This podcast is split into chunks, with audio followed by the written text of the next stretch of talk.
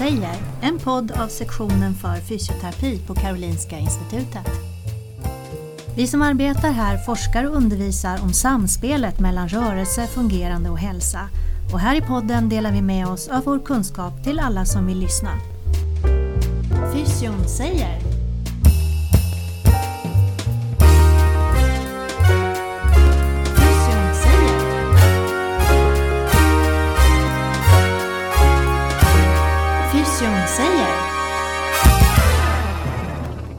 Ja, välkommen till Fysion säger. Mitt namn är Wim Groten och jag jobbar på Karolinska Institutet. Och idag har vi en väldigt special gäst och jag har professor Björn Eng här framför mig. Björn, kan inte du berätta lite grann? Vem är du? Ja, vem är jag? Ja, jag är, idag är jag Falebo. Jag är ju uppvuxen i Glada Hudik, i Hälsingland ursprungligen. Jag har väl bott större delen av mitt vuxna liv i Stockholm då. Och eh, vuxit upp som forskare kan man väl säga. På KI tillsammans med dig Ja. mestadels. Nej, men jag flyttade upp hit sen eh, från Stockholm då, till, till Falun. För ett, ett jobb som jag eh, tyckte lät väldigt intressant. Jag tror det var dags för mig att göra någonting annat då faktiskt. Men, Men du det- började som, eh, inte som fysioterapeut, idrottslärare va? Ja, jag... Tennis. Jag, ja, just det. Jag, jo, men jag har jobbat på gymnasieskola som, som idrottslärare tidigare och gått den utbildningen. Och har sen läst då till, sjuk, till sjukgymnast då till, i, i Stockholm på Karolinska institutet. Och jag kallar mig fortfarande sjukgymnast då, för jag har inte, inte gjort den där ändringen. Så det, har, det har väl kanske inte varit viktigt för mig. Eh, nej, men jag, jag finns här i Falun idag och jag är professor på Högskolan Dalarna sedan ett år tillbaka då. Mhm. Mitt under pandemin. Mitt under pandemin blev det så. Eh, Men eh, samma dag som jag då klev på den tjänsten då så, så bytte jag faktiskt tjänst kan man säga. Okej. Och tog tjänstledigt och eh, startade ett nytt jobb på Region Dalarna Ja, som FoU-direktör då. just det. Så då är det inte universitet längre? Nej, det gamla landstingsjobbet Ja. då. Region Dalarna. Och FoU för, för oss här i, i regionen då är ju forskning och högre utbildning. Så har vi valt att, att definiera det. FoU kan ju vara eh, utveckling, Ja. forskning och utveckling annars då. Men för, för oss är, är det högre utbildning. Och där finns jag i en, i en, i en ny roll där för mig då. Som direktör där. Och jag har väl några verksamheter hos mig då som är Centrum för klinisk forskning. Mm. Ett CKF som många andra mindre regioner har kopplat till Uppsala universitet. Eh, sen har jag Centrum för läkarutbildning också då. Och det är ju, den är ju jättestor. Det är ju, är ju nästan 500 läkare som är i utbildning i Region Dalarna. Ja. I olika steg då va. Det är ju AT-tjänstgöring och sen då också då ST-delen då. Och nu har vi påbörjat också BT-programmet också för läkarna. Men ingen fysioterapeuts vidareutbildning? Eh, jo, det, det är på väg in. Det, tredje centrumet, eh, KTC, och kliniskt träningscentrum. Ja. Där har vi ju många andra professioner. Som sjuksköterskorna är där redan. Och nu flyttar vi också de här PTP-psykologerna, eller Ja. psykologprogrammet för vidareutbildning då, inom regionen. Och vi tror också att vi kommer att få dit eh, våra fysioterapeuter, sjukgymnaster, dit också att, att ansvara för deras eh, vidareutbildning. Sa jag. Svar ja, vad bra. Men sen är det mest forskning då, och då är inte heller fysioterapeutisk forskning, det är all forskning då som sker inom landstinget. Ja, jo men eh, så är det. Och mitt ansvar är ju då all forskning. Absolut. Och det är ju även då coronarelaterad forskning då som Ja. har varit lite, aktuellt då på, i, i olika medier just nu då, härifrån Region Dalarna. Mm.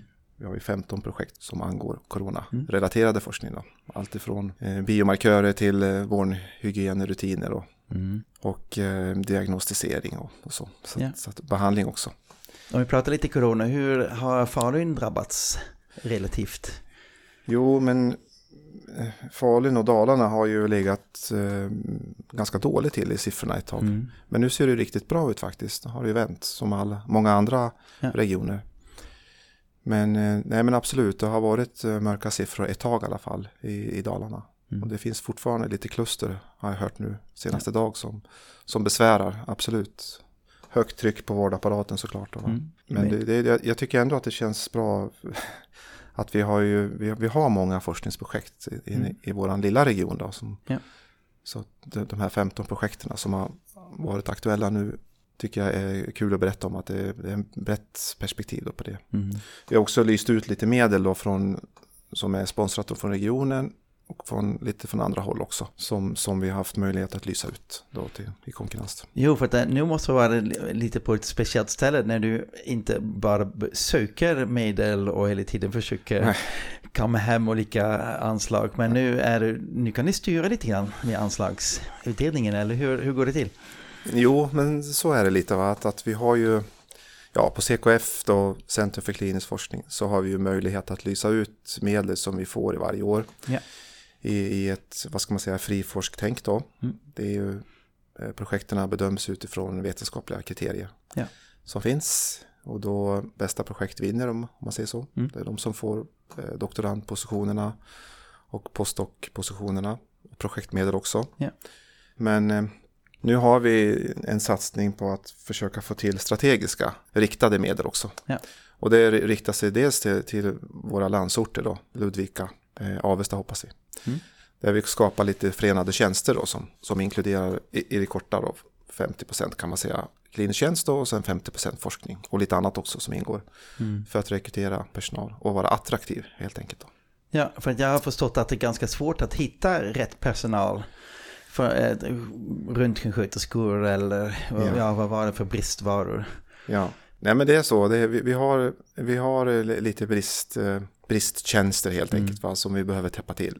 Och, det, och, och- sen får man väl säga att en, en del positioner är väldigt väl, eh, välsökta kan man säga. Det är många Mm. som söker vissa tjänster. Men det finns brist, brister absolut. Och det är just där som jag tycker, för mig då som FoU-direktör, att vi kan vara strategiska tänker jag. Mm. När vi lyser ut då en tjänst eller forskningsmedel så kan vi alltid vinna kunskap och kompetens såklart, absolut. Men här kan vi styra dem lite grann så att vi kan komma åt våra egna mm, strategiska eh, utmaningar kan man säga. Mm. Det är också ett, ett viktigt sätt att tänka så också. Att gynna både friforsket då, friforskningen, den fria forskningen, men också det, att tänka strategiskt utifrån våra egna behov då. Mm. Väldigt intressant att höra. Jag tänkte fråga om eh, forskningsmiljöerna. Jag kan förstå att de stora universitetssjukhusen har, har mycket mer medel. Men eh, hur ser det ut på labbfronten? Och finns det, finns det forskningsmiljö? Finns det den här kritiska massan som man behöver ha när vi har forskning? Mm. Ja, precis, det är ju livsnerven då. Ja, så känns det. Då. Jo, men vi har ju då Centrum för klinisk forskning, då, Ja. CKF då, va? och det är ju en, en, en jag tycker jag är en fantastisk miljö. Det är, där finns seminarieserier av olika typer. Vi har postdoc-träffar, Mm. vi, vi ses för att hjälpa varandra med ansökningar. Ja. Ex, externt och så. Och det finns, det finns en, en miljö att vara. Ja. Vi kan ha lite fester ibland också. Det, är- det är viktigt. Absolut. Så att, så att eh, jo men det, det, CKF är ju, en, tycker jag, en, en, en fantastisk miljö för oss att träffas på, på olika sätt. Mm. Och sen är det närheten då till Dalarnas universitet. Ja, ja, Högskolan Dalarna, ja, precis. Ja. På engelska heter det Dalarna University, men det är ju Högskolan Dalarna. Ja, Högskolan Dalarna. Ja. Okej, ja, jag måste säga rätt. ja. Nej men det, a- absolut. Och, och, ja, men det, det, är- det är en bra miljö tycker jag om man får säga någonting om CKF. Där. Vi, vi, bland annat så vid halv, vid halv tio där så, så har vi en klocka, en liten sån här bjällra där nere i, i Mm. köket. Då. då ringer man i den helt enkelt och 9.30 och då kommer man ner från sina rum helt enkelt Ja. och, fikar och Ja, pratar statistik kanske ja. och annat som, som är roligt. Så, va? Och allt möjligt såklart. Men det, det, ja, men det är en toppenmiljö måste jag säga. Men naturligtvis med den här pandemin då har det blivit mycket mer distans också naturligtvis. Ja. Högskolan Dalarna, där jag är, då har min professur, då, då har jag alltid jobbat med distansundervisning. Mm. Så omställningen för Högskolan Dalarna var ju inte jättestor egentligen. Ja. Jag har ju alltid jobbat med det tidigare. Har ju behövt, alltså högskolan ha- behöver vara duktig på det. Va? För att man bor ute på landet och Mm. man behöver attrahera andra studenter från andra delar av Sverige. Så att, så att omställningen var ju inte jättestor ska jag säga. Klart det är en omställning för personal att jobba hemma och så klart och för studenter också. Men, men mycket har löpt på ganska bra ska jag säga. Mm. Jag tänkte fråga om staten har någon specifika satsningar på regionalstöd och, och så, eller hur, hur, ser det ut? Ja. Vetenskapsrådet eller andra sådana stora instanser? Du har ju, ja, via Vetenskapsrådet så har det lysts ut medel som är riktade mot pandemifrågeställningar. Just det. Vi då, så har ju också haft möjlighet att från regionen skrapat ihop en del pengar. Ja. En, en dryg miljon har vi haft här in, lokalt och från regionen. Då. Mm. Att, att, kunna lysa ut för projekt. Och jag tror att nästan alla av de här 15 projekten jag pratar om då har fått mer eller mindre lite grann av de, den, där, mm. den där miljonen. Drygt med miljon, det är lite mer faktiskt. Eh, nästan en och en halv när jag tänker efter nu, för vi fick pengar från Biobank Sverige också. Yeah. Som har, har hjälpt till att skjuta till lite stödresurser. Mm. Ja, men det är väl det som jag har åstadkommit. Men nationellt ifrån så, så finns det ju kända eh, finansiärer då. Som, som vi har möjlighet att söka också såklart då. Mm. Och eh, nu kommer kanske en jobbig fråga, men hur hinner du forska själv något? Eller hur, hur har du det? Du har ett gäng doktorander tror jag, man forskar genom ja. sina doktorander tror jag. Ja, men lite så. Ja, men det, visst är det så att det, det fanns en gång för länge sedan så, som jag själv var doktorand och då gjorde man saker på labb och så. Va? Och, och, ja, man körde statistik. Ja, du ja. känner till allt det där. Visst. Och gjorde allt själv. Och, och sen gick väl åtminstone jag in i en handledarroll då och försökte få, forska själv en del ja. också. Och var i USA ett år. Ja, bitvis flera år då, men var där lite fram och tillbaka när barnen kom då. Ja. Um, och, och, nu när jag har det här centrum, centrumet här på Högskolan Dalarna, folkhälsa och idrott som det heter, mm. Research for Public Health and Sports, och har min roll på Region Dalarna som FoU-direktör så blir det ytterligare ett steg liksom bak, bakåt. Då.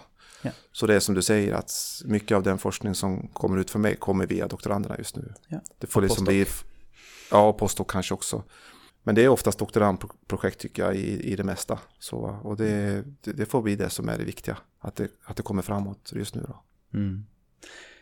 Ska vi hamna lite i den här folkhälsa och idrott? Ja. Uh, är det en konstig kombination eller?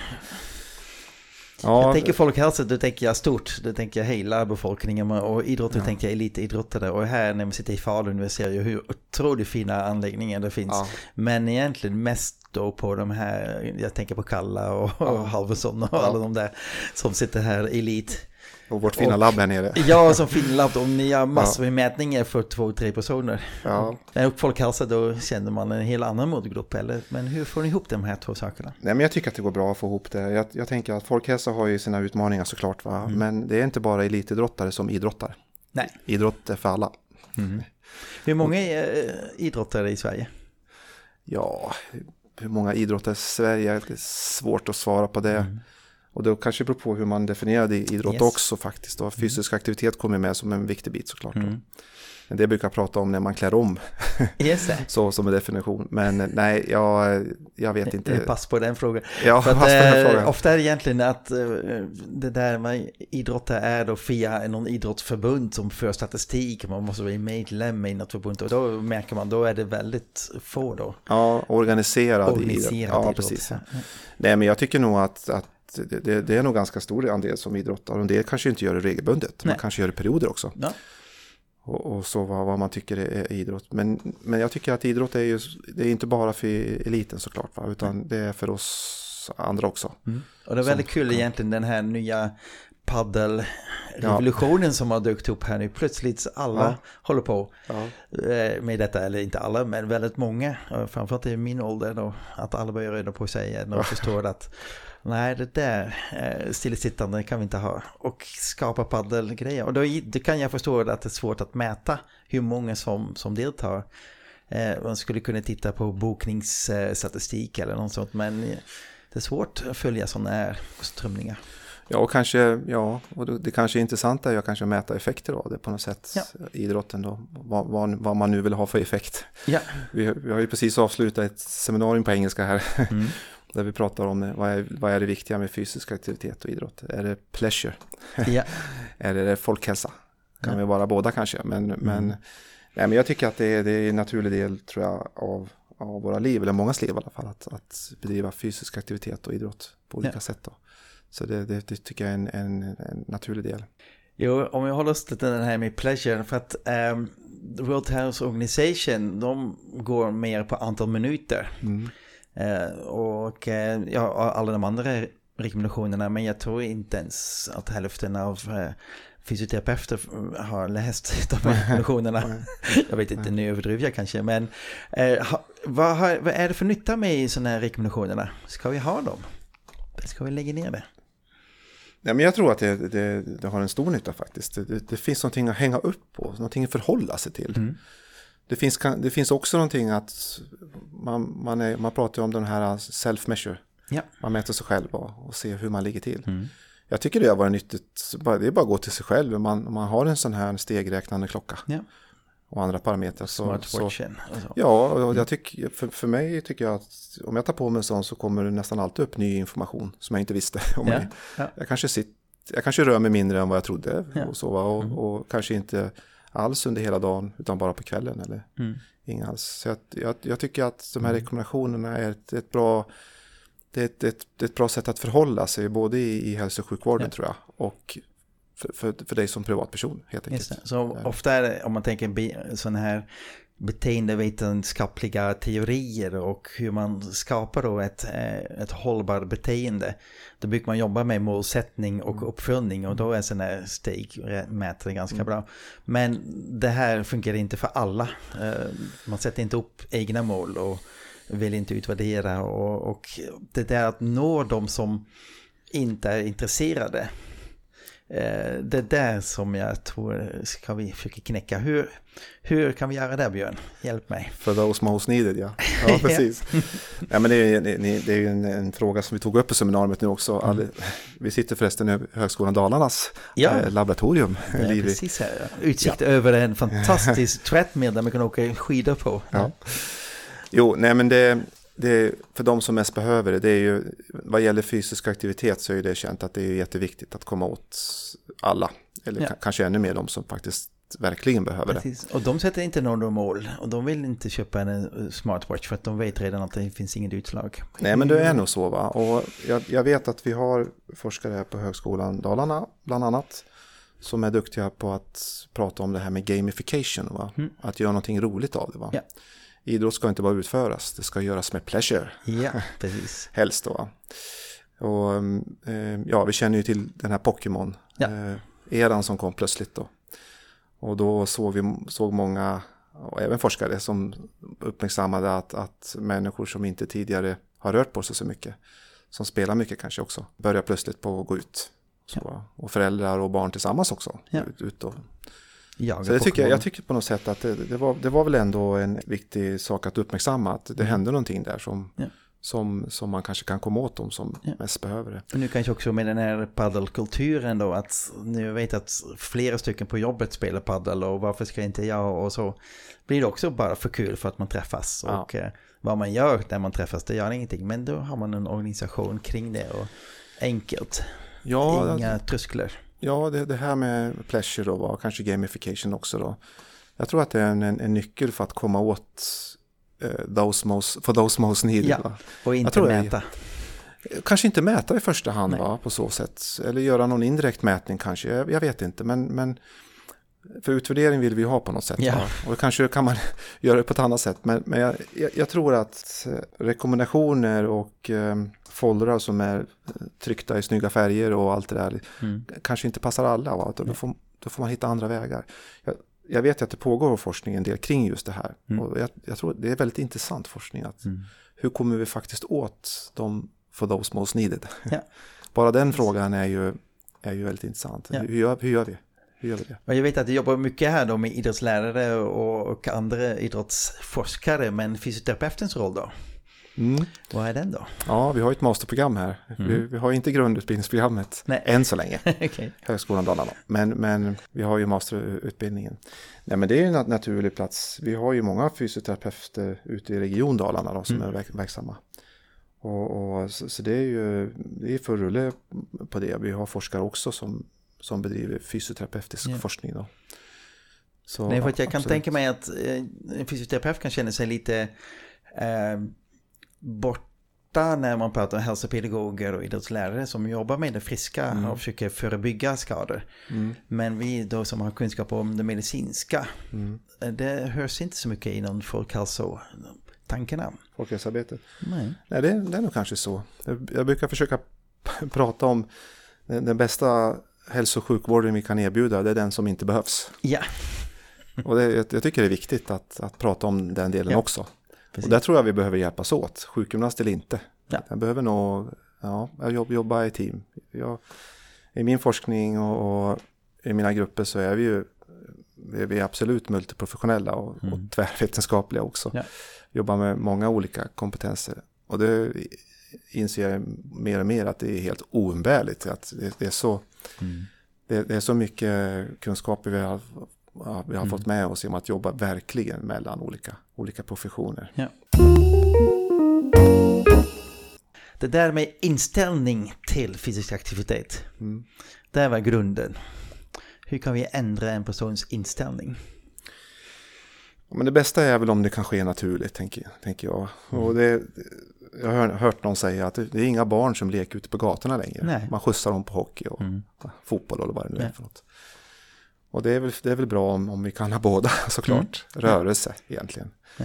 Det är väl det som jag kan tycka är, är kärnan. Men det Och- kanske också är ett eh, fördel när jag kommer här till Falun jag blev väldigt imponerad av alla cyklister och alla cykelställ och alla, alla cyklar. Väldigt Ja. få bilar. Du säger att du, din bil har inte rört på några månader. Nej, men det är en liten skev bild också kanske så från Falu centrum. Så va? För att Dalarna som geografisk region Mm. toppar tillsammans med Västerbotten att vara fetast i landet. Oj. faktiskt. Ja, så verkar det vara. Och vi dör mer av eh, hjärt och kärlsjukdomar än snittet. Oj. Vi, eh, vi gör fler aborter här i. Dalarna och vi har andra folkhälsoproblem. Cancer stiger, har jag läst nu. Så, så att vi har våra folkhälsoproblem. Så ibland kan man höra att ja, men Dalarna det är väl ett, ett fint rek rekreationsområde Ja, men, antingen på cykelavstånd Ja. inom stan, men strax nordväst om Täby. Så, Ja. är det, så är det inte riktigt, utan det vi, vi har våra utmaningar, absolut. Så, att, Mm. så, att det, det, så är det. Men jag måste ändå vara glad och säga att, att jag får se våra projektdatabaser som fångar in all forskning i Region Dalarna från alla håll. Och att vi Ja. Mm. har flera hundra projekt där. Va? Och, och det ser ut som att cancerrelaterade projekt med cancer som sina frågeställningar är starkt här uppe. Att, Ja. Och det känns bra på något sätt nu när jag läser att kanske statistiken ökar. Sen måste man naturligtvis frågasätta om, den, om det blir bättre på att ställa diagnos såklart. Men, men ändå, det det på fullt allvar så tycker jag att det är viktigt. Ja. Din egen forskning vet jag handlar om kronisk smärta och jag vet att ni skapade ett litet centrum här där folk är helt avundsjuka på dig. Att du har så fina data. Berätta. Alltså, ja, nej men vi, vi, vi drog igång projekt och eh, större projekt här på labbet som vi har nedanför oss här. Mm. Flera doktorandprojekt och som vi fick finansiering från Vetenskapsrådet då, Forte. Flera omgångar med olika Mm. forskningsledare. Så vi kombinerar våra projekt på ett bra sätt idag tycker jag. Det, det har ju rullat på jättebra här. Jens Westergren bland annat har ju, Mm. är ju doktorand där tillsammans med Veronica Sjöberg som har drivit projekt här på labbet på ett jättebra sätt. Mm. Och mätt många friska och många patienter med kronisk smärta. Mm. Här nere. Och vi har inte haft så mycket patienter på det här labbet. Det har ju varit mer ett idrottslaboratorium tidigare. Ja. Men nu har vi patienter med sjukdom här också. Det känns bra på att, att vi kan göra Mm. saker kring det också. Så vi försöker idag börja på kalla labbet för ett hälso och idrottslaboratorium. Och Ja. inte bara ett idrottslaboratorium. Ja. Som gamla Livi heter då. Så det, det känns jättebra. Så det är en, en viktig forskningsfacilitet vi har här på Högskolan Dalarna. Då, va? Och, men sen har vi en, en databas också som Ja. du kanske inte tänker på. Det tänkte jag på, den här registerdata på. Hur många, hur många ligger det i den då? Ja, men vi kommer ha nu snart 60 000 eh, patienter. Hörde ni rätt? 60 000. 60 000 patienter med kronisk smärta. Alla är rekryterade då via nationella registret över smärtrehabilitering, NRS då som det heter. Mm. Det här är ju longitudinella data. Man mäter alltså före behandling, efter behandling och så ett års uppföljning. Då. Ja. Och det här jätteregistret då som jag har fått hit har vi kombinerat med flera andra register och samkört på individnivå. Ja. Och det betyder att vi har Försäkringskassans register och LISA. Och sen har vi eh, inkomst och utbildningsregistret. Är det SCB då eller? Ja, VSB, absolut. Och så läkemedelsregistret också då. Mm. Och det har vi på individnivå då. Och då har vi ju data både fem år före man kommer till behandling då i specialistvården. Och eh, det här året som man har behandling då, uppföljning. Ja. Och eh, fem år efter också då. Precis. Så det är, det är jättemycket data som sträcker sig ända fram till dagsläget. Då. Och väldigt många projekt som Mm. bedrivs. Då. Ricardo Lomartire gör ju Just det. sin avhandling när jag ska disputera nu i december. Mm. Har vi bokat. Då vet jag redan att jag ska boka in honom för ett poddavsnitt. Ja, ja. Mm. Och många andra också, duktiga forskare som vi har från Örebro, Linköping, Stockholm och, ja, är, Mm. och Umeå på väg in också. Så det, det, men det är en, en, också en annan facilitet då, Ja. förutom labbet då, som för oss är, är jätteviktigt. Vi kallar den för Frida. Frida. Det, ja, Mm. eh, Vad och- står det? Det är säkert en förkortning av något eller? for researchen Dalarna. Okej. Eh, nej, men vi är många som försöker hålla ihop det här då. Och, och jag och Linda Wiksten som är forskare Ja. här uppe på Högskolan Dalarna har ju initierat mycket av att attrahera medel hit då, från Ja, bland annat Vetenskapsrådet och Forte, men Ja. andra medel också. Och Högskolan Dalarna ska jag säga också har ställt upp väldigt bra på att, så att vi kan få, till eh, databasen med, med servrar och kylrum nere här, för det är ju en stora mängder databas. men det är kallt här uppe ändå. Så, eller? eller Ja. För min förutfattande mening om svaret. Ja, ja, vi har dem under hoppbackarna här. Just det. Det lever på hoppet. Ja, det låter bra. Men eh, jag tänkte sån här registerstudie, jag vet inte riktigt om jag har haft det med i vår podd, men eh, passa på lite frågor. Eh, vad gör man när man har 60 000 personer? Eh, Jag vet att vi brukar prata om RCT som det bästa sättet Ja. att få, men det här är inte då en randomiserat kontrollerat. Så att prata om effekter är lite svårt, eller? Lite svårt ja. Det är registerdata absolut med alla begränsningar som vi får med på köpet då va. Vi har bortfall också. Och då har man ju kliniska studier oft- oftast också då. Ja, men visst är det så va. Kontrollerat kan vi åstadkomma. Men hur, hur jämförbar är kontrollgruppen? Det kan man ifrågasätta. Ja. Eftersom de, de fick ingen behandling och då var de säkert friskare än de som fick behandling. Ja, så varför? Precis. Utgångspositionen är redan snett från början. Det är svårt att jämföra. Helt rätt va. Och, och de här, av de här 60 000 så är ungefär hälften och får, ju, får ju den här behandlingen va. Ja. Och ehm, eh, den andra halvan får det inte behandling. Och då kan vi jämföra vissa parametrar genom att följa dem där. Men så är det att de, de fick kanske behandlingen av en anledning då. Ja. Men sen har vi gjort så som en, några studier som du, du är med själv på. Hej ja. Det, det är ju att vi har jämfört de här, de som faktiskt fick behandling. Eh, vissa fick ju en längre typ av behandling Ja. och en del kortare typ av behandling av den här multimodala rehabiliteringen och jobba i team. Och då går det att jämföra det på ett ganska bra sätt tycker vi idag när vi kan kontrollera för baslinjevärden och så. Och idag så har vi ju också lite eh, avancerade statistiska metoder som vi kan ju åstadkomma sådana här quasi-RCT-studier va, Ja. som vi med hjälp av avancerad statistik kan få till då. De är inte samma, samma som en vanlig RCT när man kontrollerar för okända biasfaktorer såklart. Men från många andra fält, från kardiologi och, och cancerfältet också, så använder man eh, Mendeles randomization bland annat. Då, som, Ja. som åstadkommer en, en, en, en viss precision i alla fall. Och det an- använder vi också. Jag tror vi hinner med att lyfta fram en annan artikel som du brinner för. Va? Om du skulle prata om en studie som ni är stolt, speciellt stolta över. Oj, då tänker jag faktiskt, eh, vilken, vilken bra fråga. Då, då, en artikel som jag tycker känns otroligt viktig för mig. Den var, eh, jag tror att det var den första i min, min avhandling. Alltså den första studien jag gjorde tror jag. Aha. Vi hade en, en hypotes att, att det skulle se ut på ett visst sätt när vi tröttade ut nackmuskulaturen. Mm. Du vet, jag gjorde ju min avhandling inom samarbete med Försvarsmakten. Då, Ja. För att se, ja, försöka förbättra och åtminstone se vad som är problemet med att, med att man inte klarar de här extrema fysiologiska miljöerna som G-krafter och så. Mm. Och då, då hade vi, skapade vi en hypotes såklart som vi visade att, att det är nog så att de som återfår får sådana återkommande nackbesvär Mm. De kanske inte har samma muskelkapacitet kan man säga. Nej. Lite grovt. Ja, så, va? logiskt. ja, det kändes logiskt för oss. Va? Och så kanske är det den här eh, att, att hålla, vidmakthålla kontraktioner under lite längre tid som kanske Ja. är det som är brister. Då, va? Mm. Det känns logiskt utifrån hur det ser ut med krafter uppe i, i de här snabba flygplanen. Och då mätte vi det och se hur det låg till egentligen då. Och den här hypotesen kom fram som en klar grej. Vi var överens om det. Och det visade sig sen när vi öpp- när jag öppnade resultaten att jag var, hade helt fel. Och det var inte så att hypotesen, alltså det här p-värdet gick att verifiera. Det var åt andra hållet. Nej. De hade på, på de här EMG-resultaten, alltså elektromyografi då. Mm. Så det, det var, de var ju bättre. Hur- så det var ju en, det gick helt emot alltså. Och Ja, det ja. tog faktiskt några år innan jag fick ordning på en, en ny teori kring det där. Och som tur är så hade jag ju bra grupp eh, kring mig, bland annat du själv. Ja. Eh, Och Britta Elving hade sett saker, om du minns henne, eh, Yes, gammal course. kollega, Mm. eh, som hade sett liknande resultat. Att, att de som faktiskt har återkommande besvär när man mäter de här ytliga Mm. nackmuskulaturerna eh, verkar bli väldigt välutvecklade. Mm. Medan på djupet, Yes. de som håller saker på plats inne mot djupet, när det gäller nacken alltså, Mm. Ja. de var nog inte lika eh, Klina väckta. Ja. Mm. de hade släckt ner på något sätt. Va? Ja. Så det kom upp lite nya hypoteser kring det i, med mig och med i min grupp. Och vi utvecklade lite nya test och testade om det här verkligen stämde. Och det såg det ut att göra faktiskt. Mm. Ja. Det såg verkligen inte bra ut på hur, hur hjärnan hanterar musklerna Mm. neuromuskulärt. In, in Så du fick ju lära dig verkligen från början att tro inte på din hypoteser, men testa dem. Ja, alltså jag trodde ju på mina hypoteser, va? men, men det, det kom ju fram att det var ju tydligt att det, var, det, det stämde inte. Nej. Och jag var på kongress som doktorand där då, och jag, jag sa precis nu, I was totally wrong. Ja.